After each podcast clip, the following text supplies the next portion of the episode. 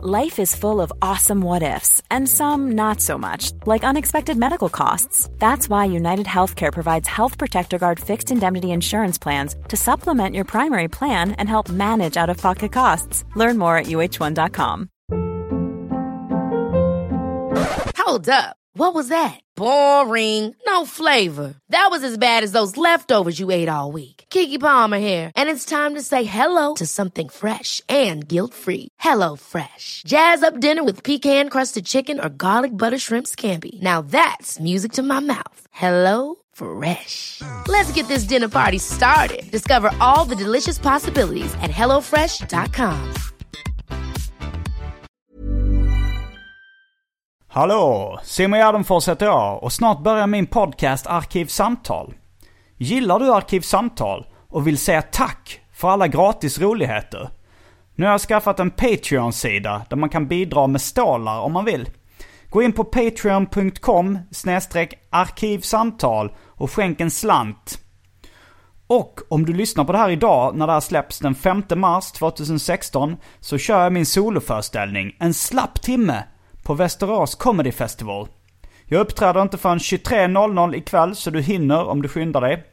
Googla efter mer info om det här. Den här stand-up showen som jag nyss nämnde, den kommer även till Umeå den 10 mars, till Malmö den 18 mars och till Göteborg den 25 mars. I Malmö så går biljetterna åt i ett rasande tempo. Och det är sista gången jag kommer köra en slapp timme i Malmö. Så om du vill se den, måste du skynda nu och boka biljetter på gardenfors.se. Där hittar ni också biljetter till de andra ställena. Nu kommer Arkivsamtal som klipps av Mattias Lundvall. Mycket nöje!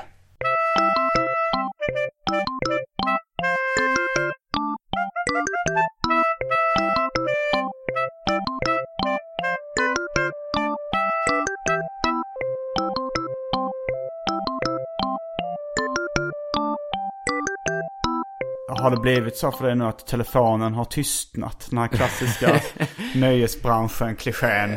Ja, men det var ju inte det som var de mesta ringningarna ändå. Folk från olika produktionsbolag som ringde. Ja, men det har ju tystnat ändå. Eh, Det är inte så ofta. Det ringde någon från Stadsteatern häromdagen. Mm, vad ville de? Jag har något så här jättetråkigt panelsamtal om eh, får man skämta om allt typ. Mm. Det är det du kommer att nischa dig till nu i fortsättningen. Ja, men jag vet inte. Jag tror inte jag tycker något spännande i den frågan egentligen. Jag funderar på att säga nej det första jag Mm. gör. Om, om jag tackade du ja till det? Nej, det gjorde jag inte för jag kunde inte den dagen. Och sen är jag lite... Jag vet inte om jag vill vara med på sånt mer. Nej. Nu när jag äntligen kommit ur allt sånt liksom. Då säger vi hej och välkomna till Arkivsamtal. Jag heter Simon Gärdenfors. Och mitt emot mig sitter K. Svensson. Välkommen hit. Tack så mycket. Roligt att få vara här. Ja, Det känns som en lite legendarisk lägenhet. det, allting blev legendariskt om man väntar tillräckligt länge. ja, men jag menar det. Det är ju inget... Jag menar att du har... Jag får se ditt sängskåp. Ja, du har lyssnat på podden och fått det beskriven i ord kanske. Ja, men precis. Så att det, det är ordning och reda och sånt där här. Eh, serietidningarna är i räta buntar. Mm, de ligger inte i någon speciell inbördes ordning mina serietidningar. Det är mest... eh, Men det ser eh, Ja. liksom ordningsamt ut. Det är ju spel för gallerierna mycket. Om man öppnar garderobsdörrar och lådor så väller det ut. Är det Då- så? är Men får inte du inuti. inre kaos av det? Så bara slipper se det. Ah, det är som okej. fattiga barn. Ja, ja. Så eh, vandra oss igenom en vanlig dag för K. Svensson. Månadsskiftet februari-mars 2016. Eh, ja, ja, men jag, då sover jag väl ut rätt länge. Det brukar jag ändå, det brukar jag det Är du nyvaken nu? Klockan är 13.07. Eh, nej, jag sov. Nu har vi försöker gå och lägga oss lite tidigt. Så vi sov kanske till eh, nio tror jag min fru väckte mig. Mm. Du har blivit vi. Att du liksom bara... eh, Man säger vi. Ja, men vi bor inte så stort som en går upp så går båda upp liksom. Men säger du även sådana grejer så här, eh, vi tycker inte om 7-Eleven? Ja, det gör jag. Jag vet inte, jag, har- jag har ju lyssnat på, du har startat en podd med din fru. Ja, just det. eh, Det sista äktenskapet. Det, det sista äktenskapet. Och då så, jag tror ni gick igenom att ni försökte ha gemensamma värderingar i äktenskapet. Precis, att man ser det som en enhet istället för två individer som råkar bo tillsammans. Att äktenskap ska liksom vara något mer. Så då tänker jag liksom att man inte röstar på olika saker inom ett äktenskap. Men samtidigt fick jag intrycket av eh, när ni pratade om det att det var mycket för att uh, provocera. Eller för, för, för, nej men för att vara lite speciella i alla fall. Alltså, li- ja, men min fru är nog mer så, för hon är ju emot kvinnlig rösträtt och sånt. Okej, då, då gissar jag på att det är bara Då är man ju ren långt- kärringen mot strömmen. Ja men det är det som är så märkliga med det. Att jag blir ju straight. Jag blir voice of reason när jag pratar med min fru. För jag får sitta där med lite bra har har du- att kvinnor får rösta. Har Men- du liksom, har, har, du tittat henne i ögonen och sett att hon inte eh, skrattar lite när hon, när hon säger en sån sak? Alltså, så, Nej, men- För det är, svårt, det är svårt att komma med hållbara argument. Ja men, ja, nej, jag tycker hon gör det. Va, om men- du ska sammanfatta hennes hållbara argument mot kvinnlig rösträtt, vad ska du säga? Ja, men jag vet, nej, just de kommer jag inte ihåg nu. Men, men, men jag tror inte det är så bra. Det är väl en fråga om gifta kvinnor ska ha rösträtt. Och ogifta skiter jag i vad de röstar på. Men jag tycker nog inte man ska rösta på olika saker inom, en, eh, inom ett äktenskap. Tycker jag nog Det beror ju på, alltså jag, jag tycker ju, om man inte bara ser det som en ball grej så tycker jag, ser jag inte så mycket poäng med äktenskap. Nej, eller så ser man det som liksom en mer sakral grej. Eller som något helt annat. Som jag och min fru försöker göra. Liksom att motivera äktenskapet med att göra det till något speciellt. Liksom. Och Men jag kan inte riktigt, sådana jag kan inte liksom riktigt, jag tar det på allvar på lika på samma sätt som det här med, eh, jag, jag är emot kvinnlig rösträtt. Att det är bara för att vara flippig eller, alltså så här, det, jag, jag var själv sån, eh, eller är ju själv sån i mångt och mycket. jag säger ju mycket grejer som, som jag kanske inte vet riktigt själv om det är för att vara flippig eller för att provocera eller för, men sen så ligger det någon sanning i det ibland också som man kan, men man fokuserar på de grejerna som låter kul att Ja, säga men, liksom. Precis, egentligen kanske hon är emot allmän rösträtt. Men det är roligare att säga att jag är emot kvinnlig rösträtt. Eh, Ska jag fortsätta med min dag? Jag kommer inte så långt. Nej, det, det var, det, jag fastnade på det här vi. Nej, men just i, i ert fall så känner jag att ni har gått in i det här. Eh, jag, jag, jag känner inte din fru, men, eh, men att eh, lite hela den här konservativa grejen Mm. är ett lite fuck you-finger från din sida. Så att det var ju därför jag, jag blev provocerad, jag blev provocerad av vi egentligen mer när folk säger det ogenomtänkt. Ja, Men ja. jag förstår att ditt, när du säger vi om ett parförhållande, att det, det är lite mer genomtänkt Ja, och lite jag, mer jag, medvetet. det är en del och- av ideologin och Ja. livsföringen nu. Vi är ju någon sorts liksom, eh, muslimer. Eh, på det sättet Mm. i alla fall. Eh, men sen, då går jag upp på morgonen och så gör jag frukost. Eh, och så äter vi den i sängen. Och så kollar vi, nu kollar vi Har ni en sån här bricka? Ja, vi har faktiskt en sån bricka.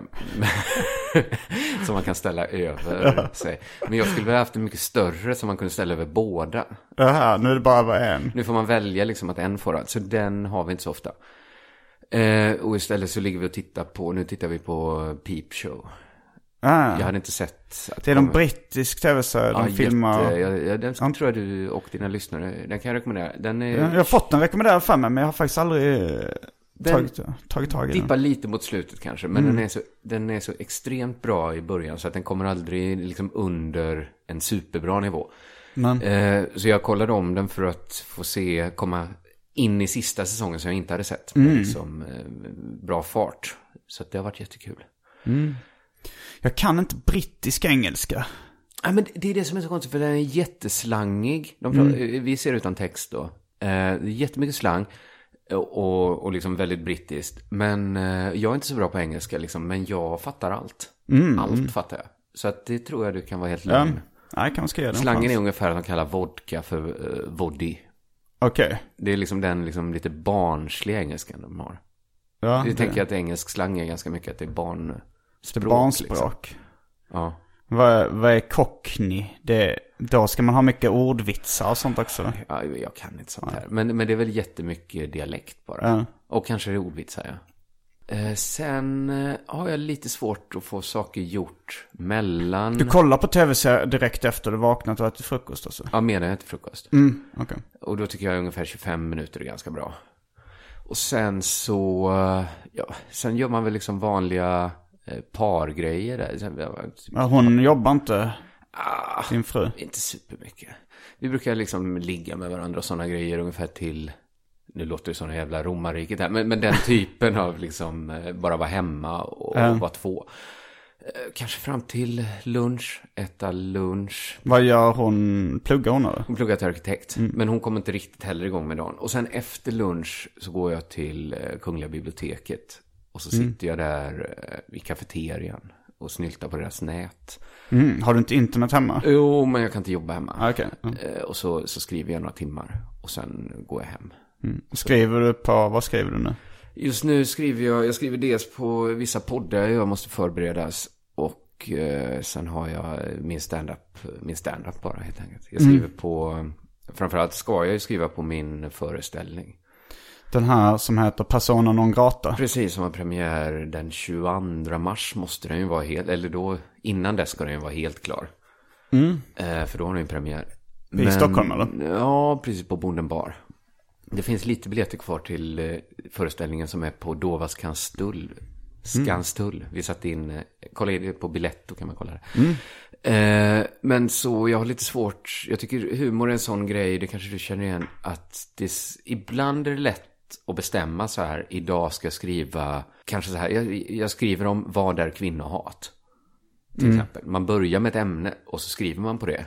Ja. Men ibland så är det ganska skönt att bara låta liksom tanken gå. Liksom Ja. Man skriver skämt på det som dyker upp, man läser lite artiklar, man... eh, På det sättet, så att jag skriver liksom... eh, Jo, det är ju så som är svår. Alltså, jag gör ju så varje dag. Alltså skriver ett skämt som är helt fritt. Och då är det så jag kanske läser en tidning eller tittar på, i min mobil om jag har någon anteckning. Ja, Eh, Men om jag inte har någon anteckning och sånt, då är det ganska svårt att... Då tycker jag ofta det är lättare när man har ett tema. ja, precis. Men det har ju jag alltid liksom Ja. numera. För jag har en föreställning som jag jobbar på. Men eh, kommer inget på tema, kommer det en liksom fri idé som bara bubblar upp så tycker jag det är rätt skönt att kunna bejaka den då. Ofta så går det liksom att använda till någon podd eller så lägger jag det i så här nästa standup-föreställning jag ska göra. Så jag, Har du redan bestämt vad den ska handla om eller? Ja, det har jag gjort. Den ska, den ska handla, lite, lite inspirerad av Kristoffer Appelqvist är död. Det här med att man gör en eh, överenskommelse med publiken i början. Eh, den här ska heta eh, Kärleken till K. Svensson. Som ska bygga på överenskommelsen att eh, det, det- är lite så här, den här personen non grata-föreställningen ska bli jättekul att göra. Och, Vi kan bara kort säga att den handlar om... den handlar om liksom eh, tiden efter jag var med i AMK morgon och liksom eh, fram till föreställningen börjar ungefär. Okej. Och den Så den är handlar- helt självbiografisk. Ja, det kan man säga.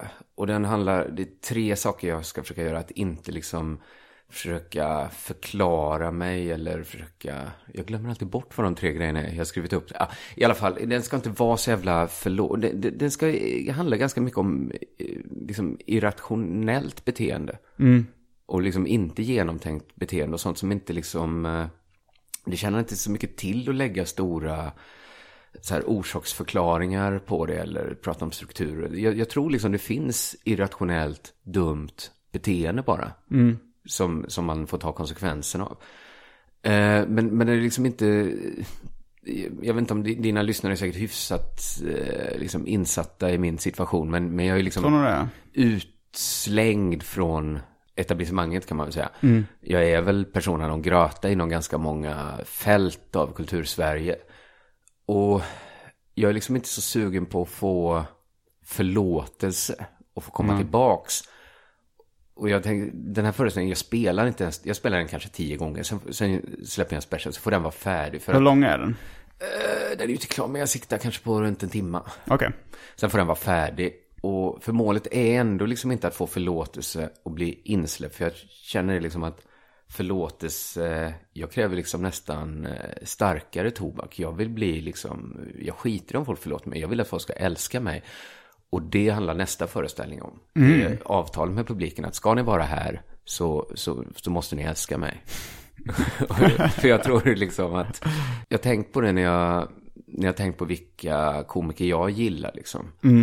Eh, rätt mycket storytelling, rätt mycket attityd och sånt där. Att, Vilka är dina favoriter? ja, men det, är, liksom, det är ju så här Larry David, CK, Bill Burr. eh, Du har sagt de namnen så många gånger att det går extremt Ja, snabbt. det- Larry det- David tror jag gick på 0,1 Ja, hundradel. Det är ju inte originellt på något sätt. Nej, okej, det var av skam du sa det så snabbt. Ja, men David Tell, du vet alla de här som alla killar som är ungefär i min ålder gillar liksom.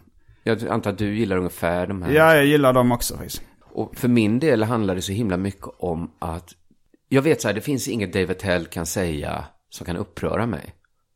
Nej, Dels för att han inte känner mig, så han kan inte säga något taskigt om min fru liksom.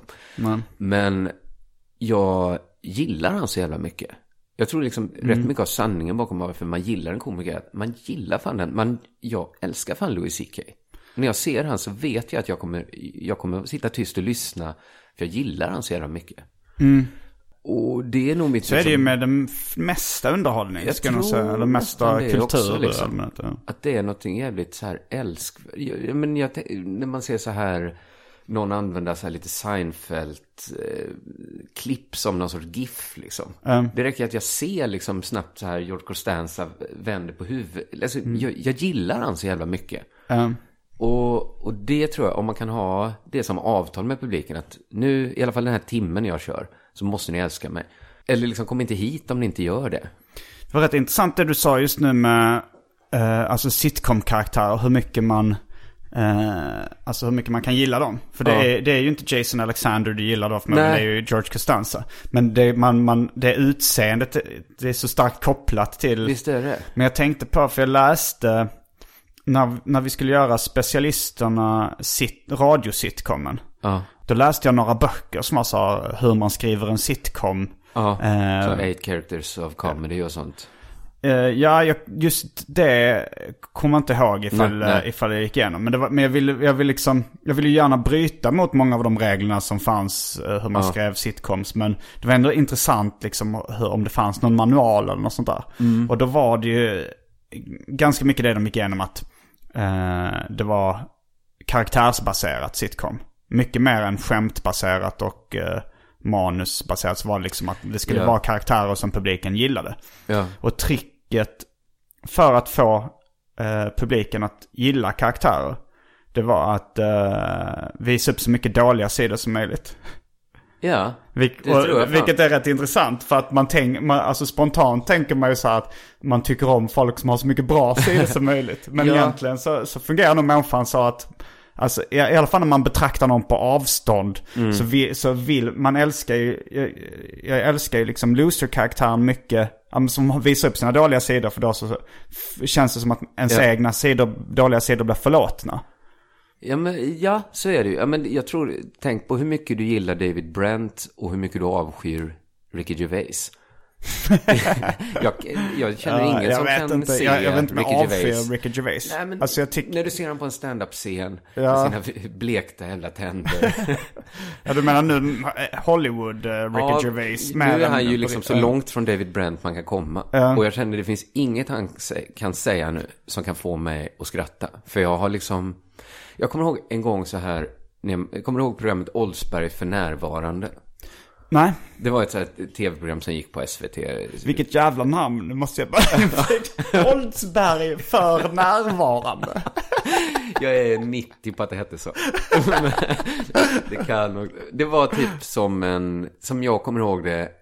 Kanske inspirerat av de amerikanska talkshowen. Säg att han hade hissingen i bakgrunden eller Ja. något. Var det det där han kastade, alltså där, för det var någon talkshow, någon tidig, eh, där de, där de hade play, play, jag tror det är Late Show, där de kastade typ eh, manuskorten bak och det lät klirr. Ja, och det var just- så jag trodde inte det var Oldsberg för För det var någon av de första svenska talkshows som hade plankat det rakt av. Bara så här, kasta manuskorten. var och inte det Thomas klirrigt. Tengby? Det är mycket möjligt. Jag tror det. Mm. Och som hade lite samma så här Letterman-grafik Mm. också. Men Oldsberg för det var kanske också liksom lite så här Hylan-inspirerat. Mm. Det var ju väldigt mycket så här glada upptåg. Nu ska vi lära tio svenskar hoppa bungee jump. Nu ska alla i Vällingby samla ihop välling och komma ner till tunnelbanan. Precis, exakt sådana. Och då var det ett eh, avsnitt där det var så här, allt hände liksom för närvarande. Det var liksom direkt. Jaha, det, Och så liksom, det, det var, det var, de hade inte direktsändning, eller live var inte riktigt uppfunnet de orden eller? För närvarande. För För min första närvarande. tanke var att det var ett program för personer som var närvarande i stunden. Jag, det var min Jaha. första tanke, men sen kom jag på att det var för närvarande. Men jag tror att det Ungefär var- som Aspegren mitt i maten. Eh, Om du minns det. Jag minns det, men de filmade kanske så här exteriören av ett höghus där man såg liksom det lös överallt. Och så sa de, bor du här? Släck din lampa. Och så såg man så, ding, ding, ding, ding, ding. Ja, det fanns bara två kanaler då. Det var den riktiga, det var riktiga, för ett Letterman är ju uppenbarligen en kuliss. Ja, ja, ja. Som är, alltså silhuetten. Alltså det var inte bakgrunden, men de klippte ut i sådana VB hela, hela okej. tiden. Och ett sånt VB, det, ju Det lång... betyder videoband för er som inte har jobbat med tv. det är så inte. Jag visste faktiskt inte det. Jag har bara lärt mig förkortningen att det är när man inte är i studio, gör man VB. Jag frågar alltid, jag, jag är väldigt Det nyfiken. Jag tycker det hedrar dig. Jag jobbade på ZTV, då sa de VB och jag bara Va? Vad fan är VB? Vad står det för? Men det- står för det jag videoband, det är ett gammalt uttryck. Man ska hitta en sån praktikant som är sån.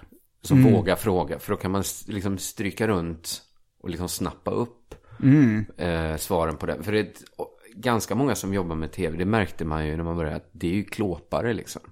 Det är ju ingen som, de flesta är ju, det ger ju en självförtroende. Att man märker att det är ingen som kan tv riktigt. Det Jag, har inte kan jobbat film. tillräckligt mycket med tv för att eh, kunna säga, hålla med om det. Nej. Det bara- tesen att ingen som jobbar med tv kan någonting om tv. Är det också en sån här flippig åsikt jag bara? Ja, det, var, det, det är inte så flippigt.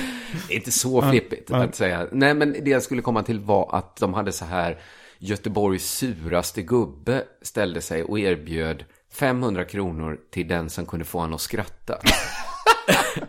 och Det är gamla Dummerjöns-sagan. ja, en lång, lång kö med göteborgare som var där liksom. De gjorde grimaser, de drog roliga historier och den här sura gubben. Det gick inte att få honom att skratta. Liksom, jag var ju barn när jag såg det och i början så var jag lite så här, det går verkligen inte att få honom att skratta. Fan vad häftigt och 500 kronor kändes som mycket pengar. Men att stå och köa för att göra grimaser för liksom Göteborgs suraste man hade ju inte jag gjort idag. Det är ju för dåligt. Inte för 5 000 heller. 10 000 hade jag kanske gjort det för. Men, men grejen var att man fattar ganska snabbt att det är ju inget svårt att hålla sig för skratt om man inte vill skratta. Man måste vilja skratta för att kunna skratta. Ja. Stand-up liksom. Det är ju inte svårt att gå och hålla sig för skratten. Det är frågan om, om det är... Ja, men okej, för mig Ja, det, det inte det varit är nog om svårt. man går på en standup-föreställning är det nog rätt lätt Och bestämmer sig så här Ja, att idag ska jag inte skratta. Ja, så är det. kommer man lyckas liksom. Och det, gäller, det är liksom det första avtalet man måste göra med publiken. Att här inne får man skratta liksom. Eller det är nästan liksom, det blir bättre. Man ska helst inte säga det så som Janne Westerlund sa en gång när han var eh, konferencier innan mig. Men han gick på publiken så hårt så här, ni måste skratta.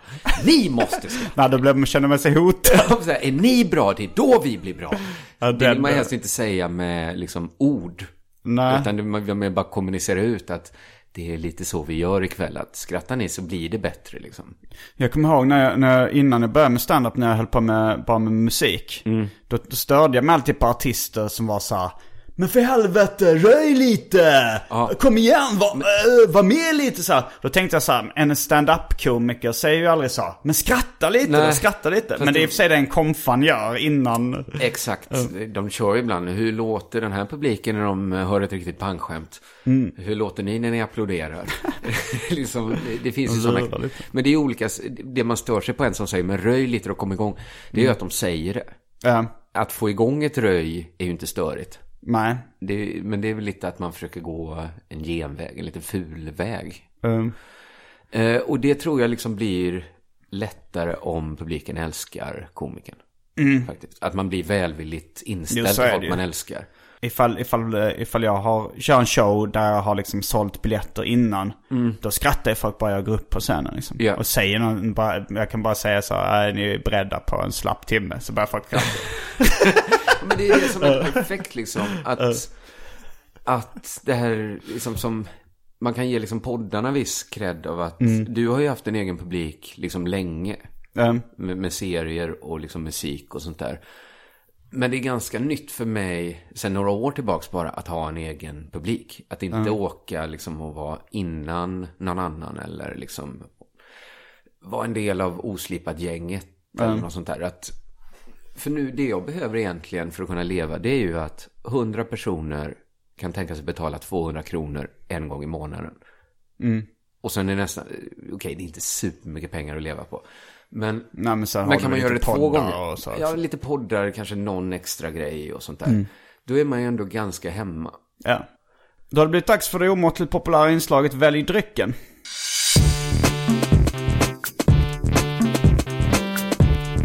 Jag tror vi börjar med det fasta inslaget Välj drycken! Då har vi Budweiser folköl 3,5. Eh, Inca Cola. Bird Nest Drink. Vad är det för något? Något så asiatiskt äckligt? Ja. Ja. Eh, Wolverine Sugar Free Energy Drink. Eh, Rallycola. Tre sorters mjöd. Kall gin. Fritz Cola, Jolt Cola, Pepsi Max Cola. Svampbob fyrkantlemonad med smak av ananas och marshmallows. Nej. Hot and Sweet Turkisk Pepper Premium Shot. Fan vad mycket du har ja. Och för tråkmånsar och nejsägare, vatten. Oj, eh, men då... Vad är, vad är de tre sorters mjöden? Blev jag lite nyfiken. Husets mjöd, ekologisk mjöd och vit mjöd. Det låter i och för sig ganska gott. Måste du öppna en hel flaska då för mig? Nej, det finns öppnade flaskor redan med mjöd. Ja. Jag tror uh, husets mjöd är väl den som det är minst kvar av. Men jag testar någon mjöd som det finns kvar i då. Då tar jag, jag tar en uh, folköl. Budweiser 3,5. Då är vi strax tillbaks med dryckerna kända från det omåttligt populära inslaget Välj drycken. Häng med!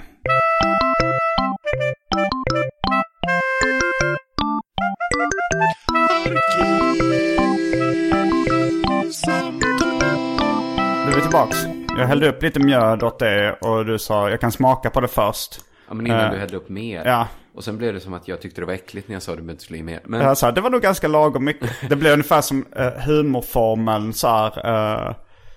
ja, just om man det. säger så här. eh, ja, vill du åka till helvetet eller till, till Mjölby? Berätta lite mer om helvetet. det är en klassisk Ja, humorformel. bra humorform tycker jag. Vad snabbt av dig också att- komma på ett exempel.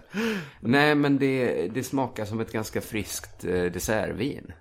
Så att jag, nu slog det upp det liksom eh, i botten på ett ölglas. Men Ja, man skulle nästan vilja ta det i ett... I ett litet- vinglas. Ja, men i ett sånt litet vinglas nästan. Ja, som ett dessertvin, portvinglas. Jag har ju, ja precis. Jag har ju min, min regel som, som jag, jag fattar aldrig när folk bryter den regeln. Att aldrig äta något som är sötare än det man dricker. Det finns ju Vänta nu, jag, jag blandar ihop grejerna i huvudet. Aldrig äta någonting som är sötare än det man dricker. Nej, precis. Det finns Nej för folk... jag kommer ihåg eh, när man var på barnkalas så smakade saften surt om man har tårta till. Exakt. I och för sig, det stämmer bara med alkohol, kom jag på Mm. Nej, men det är det är inte, ja, vissa kan ju äta lösgodis till vin. Ja det kan jag nog göra. Ja, det, det är Det tyckte jag lät gott. smak för mig. Jag tycker det, go- jag tycker det passar bättre till vitt vin eh, än till öl till exempel. Men till exempel om man har ett ganska sött dessertvin så går det ju att äta en eh, dessert till liksom. Mm. För att dessertvin kan ju vara så in i helvete sött. Fast jag, jag, allting blandas ihop i mitt huvud nu för att Okej, tårta är Ja, det sötare var du som tog det på tårtan ja, där. mm. Eh, men jag tror inte det stämmer liksom. eh, Med, för att jag kan äta ganska söta saker till kaffe. Kaffe är inte alls sött. Skitsamma. Ja, jag- jag- det, det, är, det är vissa sådana grejer där jag känner att det finns en spärr i min hjärna för min intelligens. Att jag, att jag, tapp, jag, jag tappar bort mig liksom. Ungefär som när man ska prata om sommartid. Jag skulle precis ta det som exempel att många verkar ha... En spärr. Man måste ta den här, då ställer jag ut möblerna. Jo, Eller ställer fram möblerna säger man. Jo, jag kan ju fatta när man ska, Ja. alltså att man ska ställa fram klockan. Men, jag, men det tar stopp i min hjärna när någon ska förklara varför man eh, lanserade sommartid. Jag brukar bara nöja mig med att jag förstår själva orden. Det är någonting om att arbetare skulle få lite, lite ljus. Jo, det har jag också Eh, hört. Men, men jag fattar jag inte hur det, det. går ihop. Så, för då kan jag svara det om någon frågar mig. Ja, men, jag om fattar någon- inte, om, om, om någon säger så här, "Ja, men sätt den här och förklara, rita upp liksom hur Mm. det går till att man får mer ljus. Då Men om jag du går upp riktigt. en timme tidigare Ja, så får du ju det ljuset. som där sol, om solen har Jag upp. fattar inte. Ja. jag tror ingen förstår det. Det är ingen som vet detta. Eh, nej, men eh, god, eh, vad heter det, mjödvin eller vad man ska säga. Ja, mjöd, jag tror det är nog Men vad är bara liksom basen i det? Är det honung. Så, men, det inte, men det måste vara någon säd eller någonting? Eller någon... Eller bara honung och vatten som jäst? Kanske humle. Ni får googla. Ja, skitsamma. mm. Men humle är väl också bara smaksätta? Mm, ja. Det spelar ingen roll. Nej. Jag är, inte, jag är faktiskt inte så dryckintresserad. Nej, jag kommer googla det efteråt. Men eh, det får ni Jag kan ju lyssna läsa på eh, flaskan annars. Om du följer de tyska renlighetslagarna. Det är en, en lågt hängande frukt som jag inte vet om någon har plockat. Eller det här med nazismen och öl. tyska renhetslagar. Nej. För man, de, man fnissar åt det varje gång man ser att det står bryggt enligt de tyska renhetslagarna. Ja, men Men, men frågan är om det är någon som har plockat upp det och gjort någon grej av det. Life is full of what ifs. Some awesome, like what if AI could fold your laundry? And some, well, less awesome, like what if you have unexpected medical costs? United Healthcare can help get you covered with Health Protector Guard fixed indemnity insurance plans. They supplement your primary plan to help you manage out of pocket costs. No deductibles, no enrollment periods, and especially no more what ifs. Visit uh1.com to find the Health Protector Guard plan for you. Quality sleep is essential. That's why the Sleep Number Smart Bed is designed for your ever evolving sleep needs. Need a bed that's firmer or softer on either side? Helps you sleep at a comfortable temperature? Sleep Number Smart Beds let you individualize your comfort so you sleep better together. JD Power ranks Sleep Number number 1 in customer satisfaction with mattresses purchased in-store. And now, save 50% on the Sleep Number limited edition Smart Bed for a limited time. For JD Power 2023 award information, visit jdpower.com/awards. Only at a Sleep Number store or sleepnumber.com. Here's a cool fact a crocodile can't stick out its tongue. Another cool fact you can get short term health insurance for a month or just under a year in some states. United Healthcare short term insurance plans are designed for people who are between jobs, coming off their parents' plan, or turning a side hustle into a full time gig. Underwritten by Golden Rule Insurance Company, they offer flexible, budget friendly coverage with access to a nationwide network of doctors and hospitals. Get more cool facts about United Healthcare short term plans at uh1.com. Mm, var din eh, Budweiser god? Ja, den är väldigt eh, standardmässig. Ja. Eh, alltså så här, jag vet inte om jag skulle kunna smaka någon skillnad på... Det, det är inte ens ölexperter kan ju smaka någon skillnad på öl när man häller upp det i blindtester. Nej, jag Alltså det, är ju ofta- ja. Det var ju ett väldigt, jag, jag väntade med att se det för jag är så ointresserad av ölkultur. Men det gick ett program som hette Den stora ölresan. Jag, har, jag har inte sett den, men jag har hört talas om den. Grejen var att han blev nästan eh, poserande åt andra hållet. Han skulle liksom öppna med sin snusdosa och dricka rakt ur flaskan hela tiden. Mm. Men han, han, han var ju så här stort fan av tjeckisk öl. Mm. Älsk, babblade på om sitt jävla tjeckisk öl. Men sen kunde han ju inte skilja det från liksom eh, Carlsberg eller eh, eller vad som Nej. helst. Sen när det var dags. Men det är ju själva känslan. Alltså så här, när jag ser, när jag vet vad det är jag dricker så får jag en känsla i min hjärna som får mig till och med att njuta på ett annat sätt också. Ja, Eh, men det är därför det funkar så bra med öl och växla ner till folköl. Det har jag nästan gjort helt. Mm. För att slippa vara alkis liksom. ja. dricker nästan bara folköl. 3-5 är lite festligare. Men, uh, nej men jag såg också något, det var någon sån här vin, uh, vintest de gjorde när, det var väl tre, eh, samma vin. Fast de sa, det här vi, nu ska ni Ja, just det. provsmaka, det. här vinet kostar 200 kronor, det kostar 500, det kostar 900 kronor. Mm. Och då var det ju inte bara så att folk gav högre betyg till det dyra vinet, utan när man eh, kopplade elektro, eller så här, elektroimpulser till, till njutningscentret så sa man att man njöt även mer av det dyra vinet för att Mm. man trodde att det var dyrare. Eh, och så är det ju liksom om- jag vet så, oh det här är en fräsig öl. Då kanske jag njuter mer också. Även om Ja. jag, inte, Budweiser känns det mer, okej det, det är väl också kanske det här poserande av så här slapp amerikansk standardöl liksom. Det är något med den 33 centiliters burken som känns Mm. eh, rätt härligt. Ja. Jag brukar köpa den i flaska och dricka direkt ur flaska men... eh, eh, Jag men hade de inte det på... Halvliters Mm. killen helt enkelt. Då blir det så här avslaget. Nej, men jag dricker jättefort. Som en idrottsman som Ja. ska dricka vatten efter träningspass. Som du beskrev, grappadrickandet. Som Ja, ja, ungefär typ så ja. Mm. Ehm, Jag kan när jag vill. Men du sa att du försökte fixa spons till uh, Della Sport. Ja, vi har hållit på lite sådär. Jag tänkte att Det är en annan podcast då. Du, du gör tre poddar nu eller? Eh, nu gör jag eh, just det, tre, Della Sport, Magister och eh, Sista äktenskap. Sista äktenskap. Ja, det blir tre. Tre i veckan. Ja, det är det. Och sen är jag ofta gäst i någon och sånt där. Ja, Så det kan vara rätt mycket poddar. ja. ja men eh, så det... Ja man blir ju podcastare. Jag är också, jag spelar in två i veckan och gästar många andra. Så det, det känns som det är nästan det jag gör, lägger mest tid på. Ja, och även eh, konsumtion tycker jag är rätt mycket podd alltså. Ja, jo absolut. När man går, när jag diskar, när jag hänger upp tvätten. Ja. Ehm, men sen så också när man, det, det börjar bli mer och mer det som jag blir igenkänd för. Eller Ja. när folk kommer fram och säger jag gillar din punkt, punkt, punkt. Din fräscha stand-up. Allt mindre ofta. ja, nej, jag har ju aldrig riktigt kommit in, alltså jag har ju hållit på med stand-up i tre år nu. Men eh, det är väldigt sällan, det har, jag tror nästan aldrig det har hänt att någon har kommit upp och sagt jag gillar din stand-up. Nej, men För att de säger så, att antingen är det musik eller podden. Någon gång kanske tecknade serier, men det är extremt sällan. Men stand-up, det är, ja, det är så få. Jag har ju inget ute på YouTube ännu. Så att det är få som har sett det liksom. Ja, jag fattar. Nej, precis. Inte jag, inte så sur. Det är mest när andra filmat och lagt upp som eh, ligger på mig. Och den är inte så himla... Men du tänkte släppa Persona non grata som din första riktiga special? Ja, det tänkte jag faktiskt. Mycket för att eh, det tar ju ändå lite tid att skriva en föreställning. Eh, och repa in den och allt sånt där. Och jag kommer inte vilja spela den i ett år. Nej. Jag känner det liksom.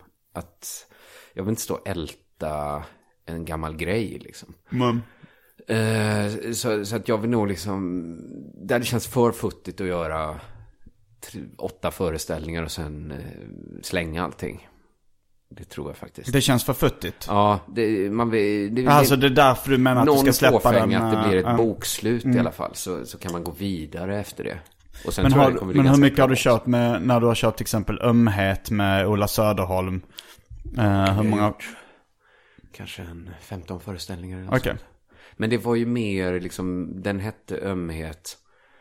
Det var att jag hade en rutin där jag pratade om ömhet. Och Mm. sen så pratade jag lite mer om det andra. Men, men det var ju ganska mycket bäst, en vanlig special. Liksom. Man tar så här, det här var det året. Sätter ihop det till en föreställning bara. Det som i rap-sammanhang kallas straight spitting. När man inte har något Okej. tema på en låt. Man bara staplar lite punchlines på varandra. Lägger in lite skryt. Skryt Precis. funkar inte riktigt lika bra i stand-up. Där är det snarare tvärtom. Nej. Att man ska berätta vilken loser man är. Ja, men jag hatar det. Ja, men alltså det är ju fan- ganska... Det handlar nog om det att man ska vara mer älsk... Att det är lättare. Som, Att det är lättare att tycka om David Jo, det är Brent ju än George Ricky Gervais. Costanza-tricket egentligen. Exakt, att man berättar om alla sina svagheter och brister och sånt där. Men samtidigt så har du ju ett guldläge då eftersom du offentligt har visat upp lite dåliga sidor. och vilket, ja alltså jag, jag, jag, jag eh, känner nog ändå att, att det blir lite George Costanza-effekten av det. Att man Ja. tycker det blir lite roligt och lite charmigt när någon har visat upp många dåliga sidor. Ja, men det är det jag känner att det är ganska många som tycker illa om mig nu. Men de hade ingen åsikt om mig innan. Men- Men det känns som rätt många av de som gillade mig eh, förr tycker Mm. mer om mig nu. det har blivit eh, liksom ett statement. Fast man ska nog, Man det kan finns, inte finns en gräns. Det är ju så här, eh, Man älskar? Breivik. Liksom så här, vissa saker är så starkt statement du gillar. Nu är inte jag på Breivik-nivå va. Men, men liksom om man liksom... Man måste Eller- ändå motivera så här kanske inför någon kompis varför man eh, ska ge Patreon-pengar till mig. Mm. Eller gå och se min föreställning. Då, då tror jag att man liksom för sig själv och andra förklarar, "Nej, men jag gillar verkligen hans grej. Mm. Jag tyckte, det jag gillade skämtet av Mitch Hedberg. Han berättade att han var med i ett punkba, punkband. Han säger att eh, vi var ett sånt band. Det, fann, det fanns de som älskade oss och de som hatade oss. Och så fanns det de som tyckte vi var helt okej också. Ja, men det är det som är grejen att de flesta kommer ändå tycka att man är helt okej. Men de, eh, de är jag fan inte intresserad av längre. Jag vill styra in all verksamhet på de som verkligen gillar ens grej nu. Mm. Det... Jag tror att man kan hålla på och vara en sån som folk liksom tycker man är, man är helt okej. Om man jobbar på till exempel Sveriges Radio. Där kan man halva runt ganska länge och vara en som är, ja, men man är helt okej liksom. Mm. De flesta P3-tjejer är helt okej. Mm. Det, det, ja, du kan förstå vad jag menar med P3-tjejer. Men en sån som ett tag dyker upp liksom som sidekick i PP3. Sen är de helt plötsligt kanske så här redaktörer på morgonpasset. Den här, och sen har två år gått och så är de utlasade och så gör de något annat. Jo men det är mer, eh, de är kanske lite mer så yrk, alltså ungefär som en vaktmästare. De ska Ja. göra sitt jobb. Det, det var som när eh, min eh, förläggare Fredrik Jonsson, eh, han sa att eh, han, Chris Ware som jag tycker är en fantastisk formgivare och serietecknare. Han känner Som inte jag, till. eh, jag sa att han var kanske eh, världens bästa formgivare. Ja. Då sa Fredrik, eh, jag tycker Chris Ware är en dålig formgivare. Så frågade jag, säg en formgivare som du tycker är bra då. Då sa han, säg en tunnelbanechaufför som du tycker är bra. han menar, en formgivare ska göra sitt jobb. Det ska inte vara något som stör. Nej. Det ska inte sticka ut någonting. Och så tror jag att P3s eh, anställda, viss, alltså, kanske P3-ledningen har den inställningen. De ska, de ska berätta om populärkultur. Det ska inte vara några fancy schmancy utspel. Nej, precis. De ska inte vara så- här, de ska bara informera och, och underhålla på ett lättsamt sätt. Ja, precis. Och det är väl, så, så är det väl. De Ja. flesta ska vara sådana. Jag vet inte om det stämmer. Jag kommer ihåg för att eh, när jag pratade med Jörgen Lötgård. Eh, Ja, han träffade jag också för några veckor sedan. Det är inte ofta man springer in i han. Man Ja, borde det var rätt länge sedan. Han, en han har varit gäst här i Arkivsamtal en gång. Men då så, så berättade han om deras humorprogram i P3. Ja, Som jag inte kommer ihåg vad det hette nu. det hette Deluxe va? Ja, det var nog ett av dem. Ja, men han hade har varit länge. Han har varit nästan sedan 90-tal. Jag tror Men då det. sa han att programbeställningen var att det ska inte vara så kul. Det ska bara vara någonting liksom så här. Det, alltså, men, men lite, lite kände jag att det var en ursäkt från hans sida att han, att han inte orkade göra någonting som var, stack ut eller som liksom rev Nej. Mm. broar och fördämningar. Eh, Men det, det kanske stämmer att det var så han tolkade eh, ledningens beställning. Ja, Men, eh, men det, man kan också tolka som en, liten, som en ursäkt. men det är ju också, det kanske är liksom ligger redan i anställningen, liksom beställningen. Att Jörgen är ju liksom en superhärlig människa. Mm. Men han är ju ingen som kommer flippa totalt i radio. I de lugnaste vatten. Vilket Ja, också men det är mycket så- möjligt. Men jag tror vet inte han har Det är ju en gjort det kliché det där i de lugnaste vatten. Ja. Simmar de fulaste fiskarna. Det är väl mer Så så är här, lite som undantaget som bekräftar regeln. Att man bara kastar ur sig Det är utan ju att behöva backa upp. väldigt ovanligt ja. Ett undantag ska ju vara ovanligt. Men jag tänkte på det här med, i och för sig, det, det, det är ju så säkert att eh, vem som helst kan balla, alltså så här. Jag tänkte på det redan när vi snackade om sådär att ju fler, ju, ju sämre sidor man visar upp desto mer omtyckt blir man. Mm. Det stämmer inte, alltså Tito Beltram och Pappa Di har ju visat upp väldigt dåliga sidor Ja. som inte har gjort dem mer älskade som Ja, men, nej, men underhållare. precis, det finns vissa saker man inte kan göra liksom, som är för dåliga sidor. Ehm, När, eh, nej men liksom. det brukar ju ligga, det där sexuella övergrepp någonstans brukar... Jo, i mitt brukar fall till och med att prata om liksom Ja, i ditt sexuella fall. Eller övergrepp. d- där jag tycker att prata om sexuella övergrepp är, är okej. Eller det är Ja. roligt för det mesta. Ja, men hade men, jag eh, gjort det liksom i, på ett skämtsamt sätt. Men om du har gjort en act-out. Men det är någonting med att vara full och arg på riktigt liksom. Ja. Eh, då blir det obehagligt liksom. Mm. Eh, det har jag ändå viss förståelse för. Att eh, det, det kan upplevas liksom Jo, jo. obehagligt. Eh, absolut. Att- och, men att det men det, det är klart, det var, det, det, var, det kändes ju obehagligt när man hörde det.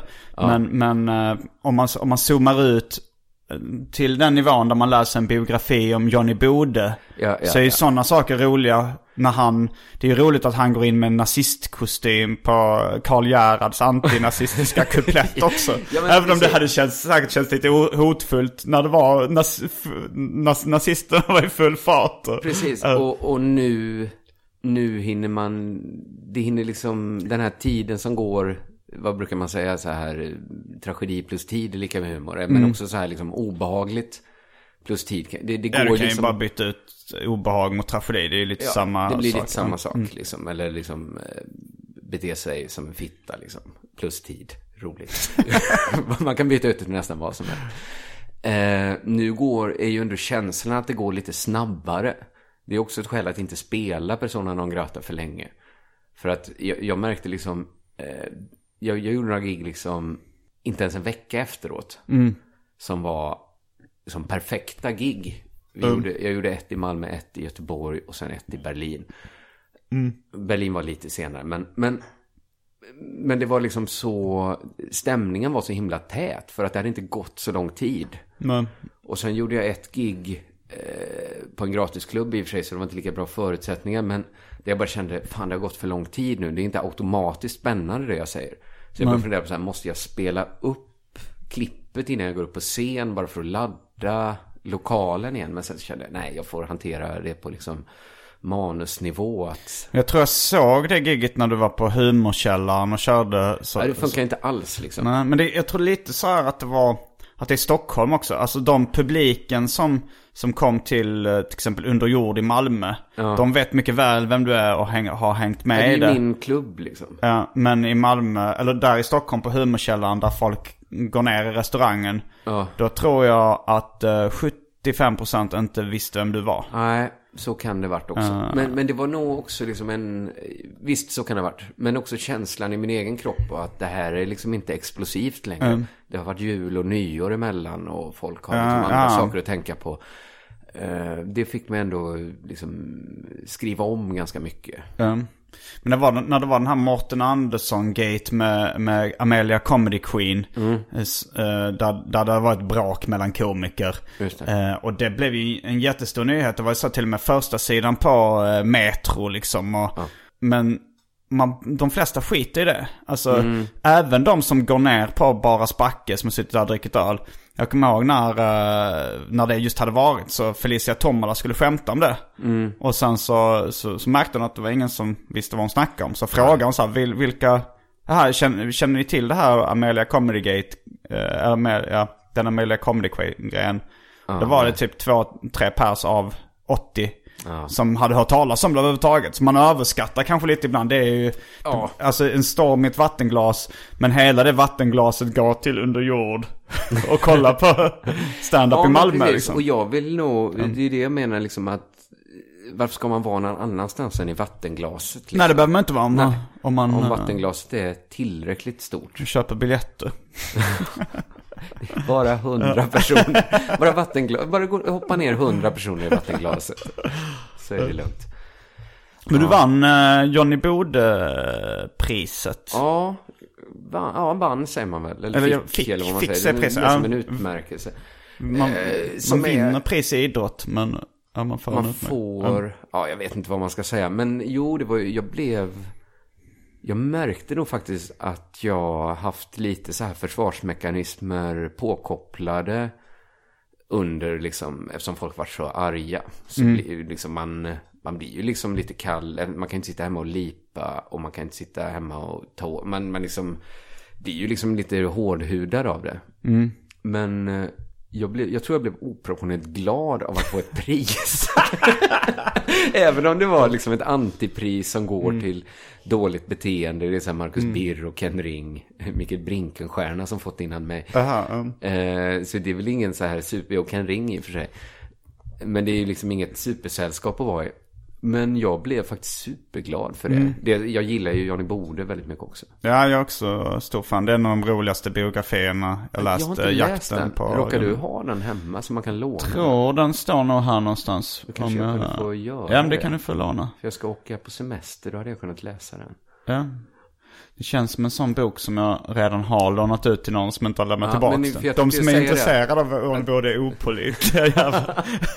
Men för jag tänkte lägga till att jag kommer lämna tillbaka den.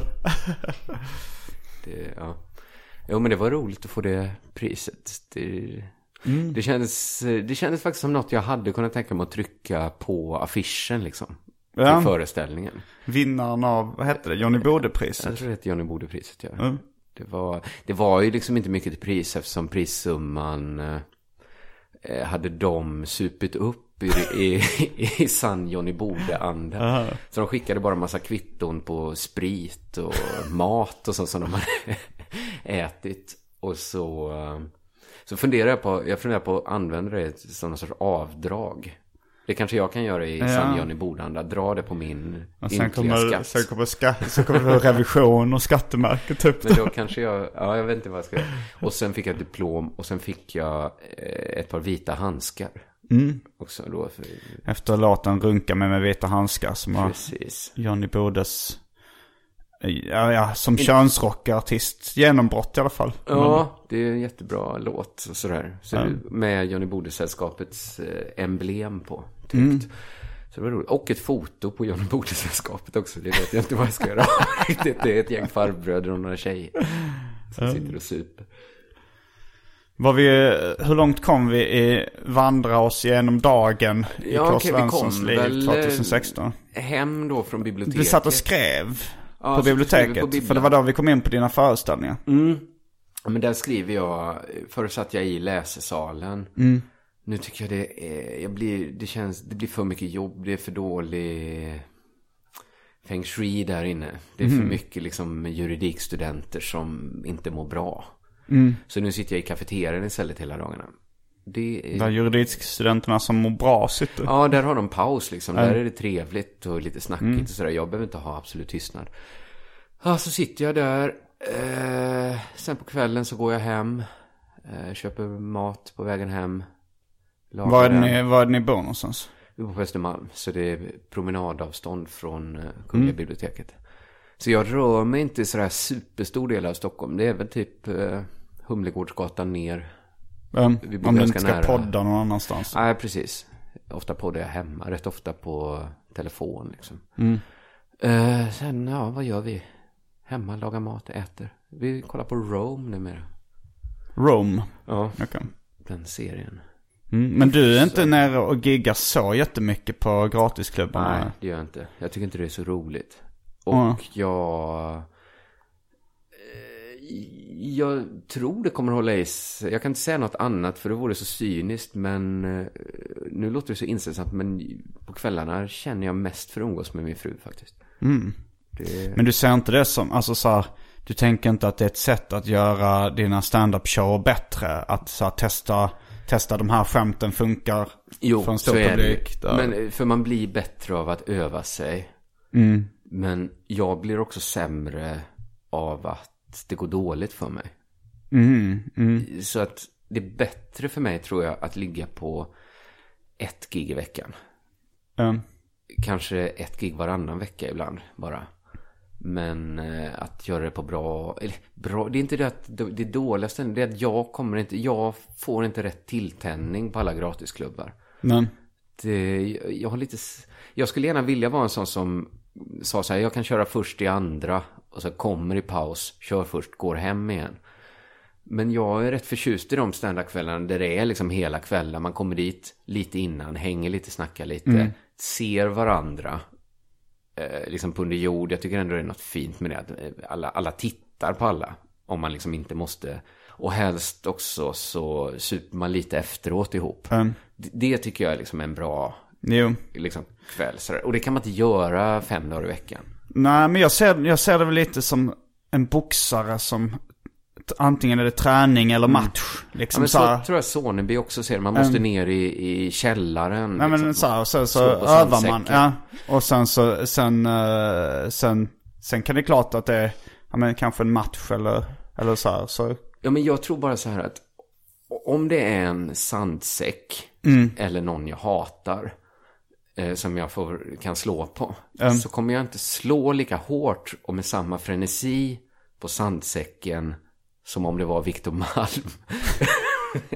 Om du förstår vad jag menar. Nej, jag hänger inte jag riktigt skulle liksom med. inte, jag kan inte gå all in och slå på en sandsäck för jag vet att det är en sandsäck. Aha, du, du, du Jag övar, liksom- när, det är övning så går du inte in så hårt för Jag det. det är någonting i mig som liksom Mm. inte kickar igång ordentligt. Men är det så här upp och slåss nu på riktigt.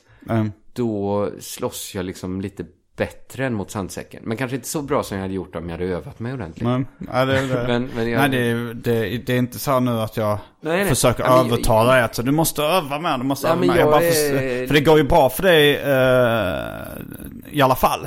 Ja, absolut. Men, eh, men jag, jag bara undrar, eh, jag undrar ganska mycket hur, för det är så jävla få komiker som övar mycket. Alltså så här, jag hänger hela tiden på de här gratisklubbarna. Ja. Och det är bland, bland proffskomiker så är det kanske Fredrik Andersson som är där mycket. ja. Och eh, jag vet inte om Carl Stanley räknas som proffskomiker nu för tiden. ja, men eh, mer eller mindre va? Ja, men han hänger också där mycket. Mm. Eh, och annars så är det, sen, så- de flesta går ner, inte Martin Sonneby, han säger ju, han pratar ju mycket om det att man ska ner och öva. Men det är inte jätteofta han är en, alltså så här, det, okej han är, han är mer ofta än, än vad Schyffert och Rheborg är när Jo, och övar liksom. Men, men, eh, Ja, men, men det är inte så jätteofta. fall. nej. nej, men det, det, det Jag tror... Jag gör lite fusket att jag övar för publik som betalt. Alltså på Mm. Men så gör ju de flesta proffs. Ja. Alltså så de slänger in nya skämt för sina betalande publiker. Men liksom. det är därför jag tycker så här, under jord, där har, det kostar 100 spänn att gå in. Mm. Det, jag tror vi hade kanske kunnat klämma folk på 200 Mm. egentligen. Eller 150 i alla fall. Men det är rätt skönt att folk bara betalt 100 spänn. Ehm, Ofta är folk också som testar, alltså andra komiker som inte är vana vid att testa lika mycket nytt Mm. inför betalande publik. Det är rätt bra förutsättningar att testa nytt på. Och det är... Ofta är man rätt bra första gången man testar någonting. Andra, tredje gången kan det vara sämre liksom. Men första gången är man så liksom glad i materialet. Och Ja. man, har en viss liksom eh, energi när man kör det. Så att, ja. ja det, det, det, jag och Martin har en klubb som heter Kmart som är... är det en klubb? Är inte det en eh, föreställning? Det är väl en föreställning tryout? Ja, så. men det är jag och Martin första onsdagen i månaden. Nu blir det 9 mars nästa gång. På Bonden bar. Eh, men det är ju tanken att ha liksom den här hybridgrejen liksom mellan total tryout, mm. rookie-klubb, liksom gratisklubb och eh, betalgig. Det är ju Mm. betalt. Men, men det, det kostar bara 100 spänn också. Och så får man se 40 minuters akter av mig och Martin. Vem? Jag vet inte hur det ska gå bara för Martin sa att vi ska ha 40 nya minuter till varje gång. Och, alltså jag skriver mycket men jag skriver nog fan inte 40 minuter i månaden. Ja, det låter som lite mycket. Men Ja. jag tycker det är ganska roligt att, att köra på Big Ben och Mafia. Även alltså så här kvällar det går ganska dåligt. Att så här, för till slut så blir det Till slut så blir det att man kan gå upp totalt avslappnad. Skita i om det går dåligt. Att man blir så härdad liksom. Men det är nog det som jag menar med liksom den här sandsäcken. Att en sandsäck, man riskerar inte att åka på en smäll själv av den. Men, Då sänker man garden lite och blir... Man kanske inte gör sina bästa grejer. Ibland gör man ju det också när man är totalt avslappnad och Ja, ja, det för kan man ju vara. smäll liksom. Men jag, jag tror jag är som bäst när jag är liksom på tårna och hela tiden eh, liksom slåss för mandatet att få stå på scenen. nu, nu eh, kände jag lite att det, att det här är ganska mycket att du hittar på ursäkter för att du är lat. Du nöjde dig inte med ursäkten att jag ville umgås med min fru bara. Så då fick jag hitta på en ny. Ja, men jag är lite lat också. Ja, det, det. Men nu finns det ju också, det finns ju Anderssonister, det finns TS Kaos och det finns Ja. väldigt mycket bra klubbar. Att få ihop ett bra gig i veckan är ju inte svårt. nej, nej, det är inte. Så, och det är nog ungefär vad jag behöver. Jag behöver inte göra så mycket mer. Jag, jag är lite mer skrivande komiker tror jag också. Mm. Än uppträdande. Jag, jag kommer aldrig ha en stor show liksom. Eller sånt. Vad menar du med att du aldrig kommer ha en stor Alltså show? inte en sån... ehm, Ja, men, nej, men, men så här fylla en ishall vet jag ju att jag aldrig kommer göra. Jag kommer inte ha en sån vitt och fräscht turné. Just liksom. och fräschturné. Jag kommer inte ens ha så här som Nissa Hallberg har, spela på Skala och Draken och sånt där. Du kan ju göra det om du vill. Ja, det skulle jag kunna. Men jag vill inte det. Nej. Varför ska jag ha ett gig i Stockholm istället för fyra liksom? Ja, det, det är ju frågan. Det, det är ju, jag tycker Det det är är, för- roligt. Uppträ, jag uppträder hellre fyra gånger för 100 pers än en gång för 400. Ja, Det skulle vara ifall du får några dyra vanor. Ifall du börjar gilla Ferrari-bilar eller någonting. Fast då måste jag göra fyra gig för 400 personer i så fall. Ja, men det olika blir lika städer, mycket pengar. Ja. Jo, jag kan Då kan åka ha runt lite. åka runt. Men, eh, ja, nej. Nej, jag... det sabbade mer för mig innan jag var mer ute efter att tjäna pengar. Det tog eh, tid från saker som är viktigt. Liksom. Mm. Det är rätt skönt att ha bränt de broarna nu. Att inte göra Jo så men det, mycket. är- det, är rätt, eh, det är rätt bra att, att mer så här, tänka vad, vad blir den bästa inspelade special showen jag kan Ja. släppa. Det är faktiskt något med det. Och det är, det är något, okej nu ska vi inte överdriva och säga att jag är fattig, men innan var jag rik. Mhm.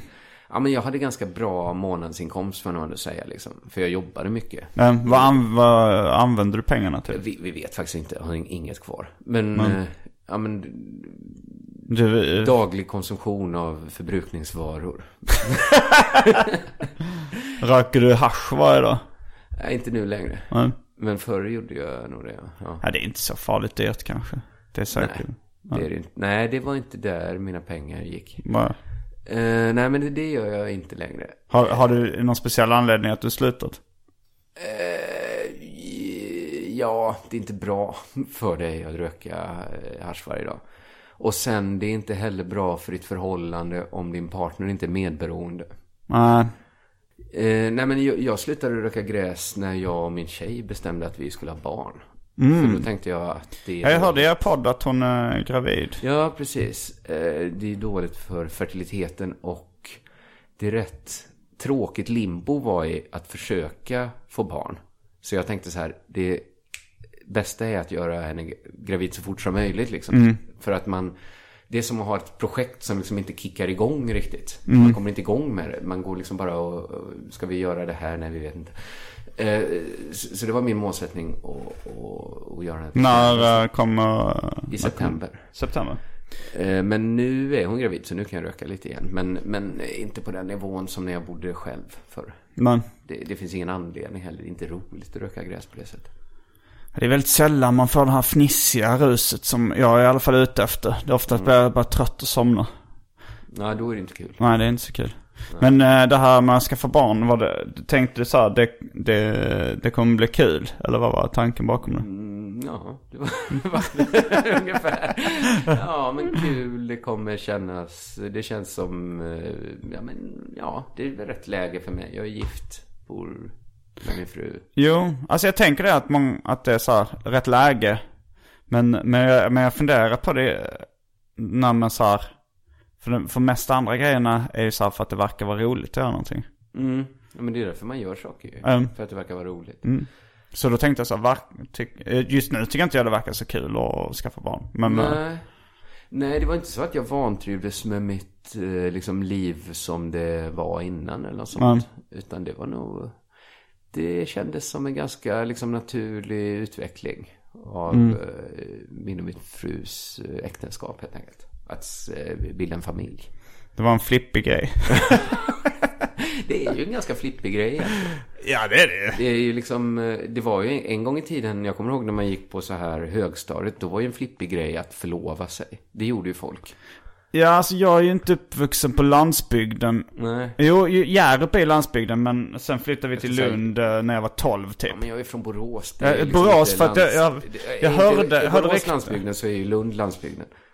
Ja, jag vet inte. Det var bara ett ex till mig som sa att hon kom från typ Närke. Mm. Och där sa hon att folk förlovar sig i tonåren. Ja, Och jag har inte upplevt det, så, tänkt, så vet jag inte om hon sa eller om jag tänkte att det är någon landsortsgrej. ja, men det kan det nog vara. Alltså, jag tror det är en sån grej man gör när det inte finns. Jag gjorde inte det. För det var en, knappt någon som gjorde det som jag kände. Nej, Inte supermånga. Jag minns Mm. bara någon gång på fritidsgården så hade Frida, Frida Wimbo helt plötsligt förlovat sig med Tobias Standard. Och så var det liksom, sa Ja, det, så här. det, är lite verkligen så jag ser på ert äktenskap. alltså som så fritidsgårdsförlovning. Jag förstår inte det. Det tycker jag du ska sluta. Min fru är fortfarande arg på dig för att du sa att eh, vi, vi, jag friade ju ungefär samtidigt som Simon Svensson halstatuerade sig. Ja. Och då var det ju lätt att avfärda båda grejerna som en flippig grej. Och då Jo. sa du, eh, fast skillnaden är att Simons tatuering är för livet. Ja, Och det var ju så himla oh snap så jag kom ju inte på något dräpande att säga till dig. Kom du på något i efterhand? Nej, det var ju inte, för din var ju perfekt liksom som skämt. Som idéinnehåll var det ju vidrigt Simon. Men jag hörde i er podcast att eh, din fru eh, var arg, Ja, hon blev har arg på inte riktigt. förlåtit dig för det ännu. Nej, eh, och det, det är ju det är ett extremt kränkande skämt. Nej, men jag menar, jag förstår inte riktigt eh, varför, det, varför det skulle vara så... eh, varför det skulle vara ett så taskigt skämt. Det är ganska harmlöst. Jo, men du kränkte ju det vi håller heligt, Ja. vårt äktenskap. Jo, och det, och det gör jag nu igen när jag säger att jag ser det som en sån här fritidsgårdsförlovning. Men då, För- eh, ja men det får du såklart gärna göra. Jag, jag för att vi komma... kommer från den världen där, alltså i alla fall du, kommer ju från den världen där man fortsätter att bete sig lite som på fritidsgården. Man går runt och käkar kokosbollar och tramsar och spelar lite biljard. och när någon kommer och säger så här, vi har gift oss. och någon säger, nej men vad... Ja, då säger- tycker man, ja. Hur vågar du? Vårt heliga äktenskap. Eh, nej men jag kommer ju inte kunna eh, liksom övertyga dig med argument. eh, eh, det hade ju varit så här, du hade behövt byta hjärna med mig. En minut hade räckt. Så hade jag förstått. Så att eh, jag tror inte vi kommer, jag kan inte riktigt påverka dig där. Om du känner att det känns som en Flipper Fritzgård-grej. Ja, jag, jag, jag, ja, från utsidan sett så gör det nog det. Ja. Det, det, det tror jag. Men vad, vad hette hon eh, som på ditt fritids? Eh, Hon hette Frida Wimbo. Frida Wimbo. Hon tog också sin förlovning på allvar förmodligen. Jag, jag hoppas att jag Men det fick var ingen utanför. Tobias Standard.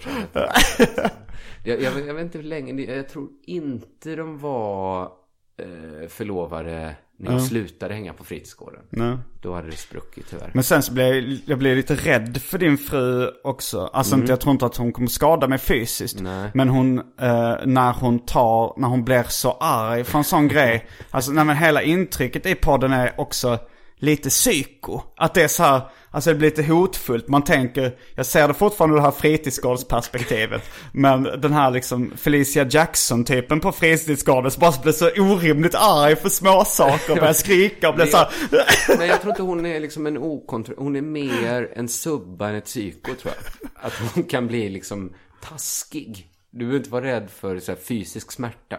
Nej. Men en taskig kommentar kanske. Ja. En subbig kommentar kan du få. Ja, det, nej, det, det, det, det är väl mer så här. Man känner, bara, ja det blir lite, lite obehaglig stämning. Du försökte bara skoja. Fast nu står du ju på dig också.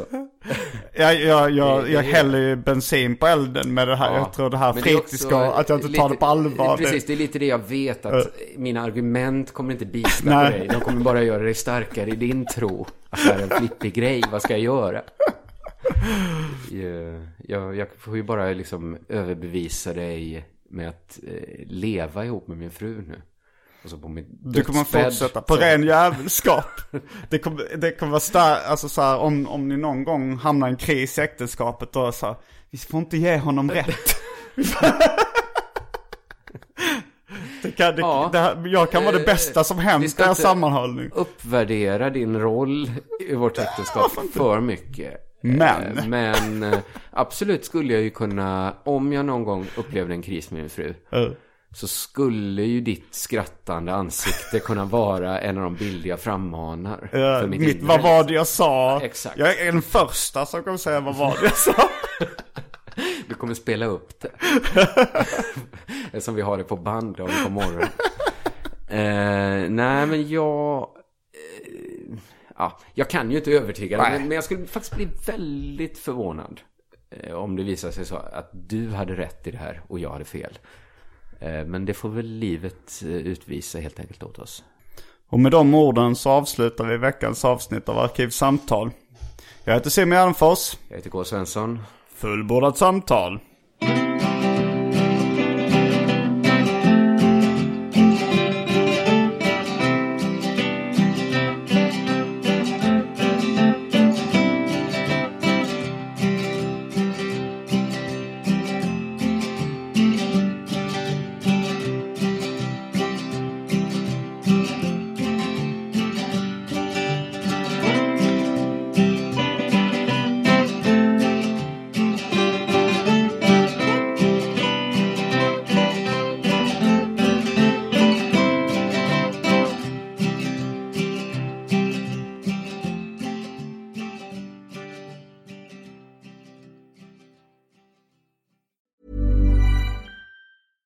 Catch yourself eating the same flavorless dinner three days in a row? Dreaming of something better? Well, HelloFresh is your guilt-free dream come true, baby. It's me, Gigi Palmer. Let's wake up those taste buds with hot, juicy pecan-crusted chicken or garlic butter shrimp scampi. Mm. Hello Fresh. Stop dreaming of all the delicious possibilities and dig in at HelloFresh.com. Let's get this dinner party started. Even when we're on a budget, we still deserve nice things. Quince is a place to scoop up stunning high-end goods for 50 to 80% less than similar brands. They have buttery soft cashmere sweaters starting at $50, luxurious Italian leather bags, and so much more. Plus, Quince only works with factories that use safe, ethical, and responsible manufacturing. Get the high-end goods you'll love without the high price tag with Quince. Go to quince.com/style for free shipping and 365 day returns.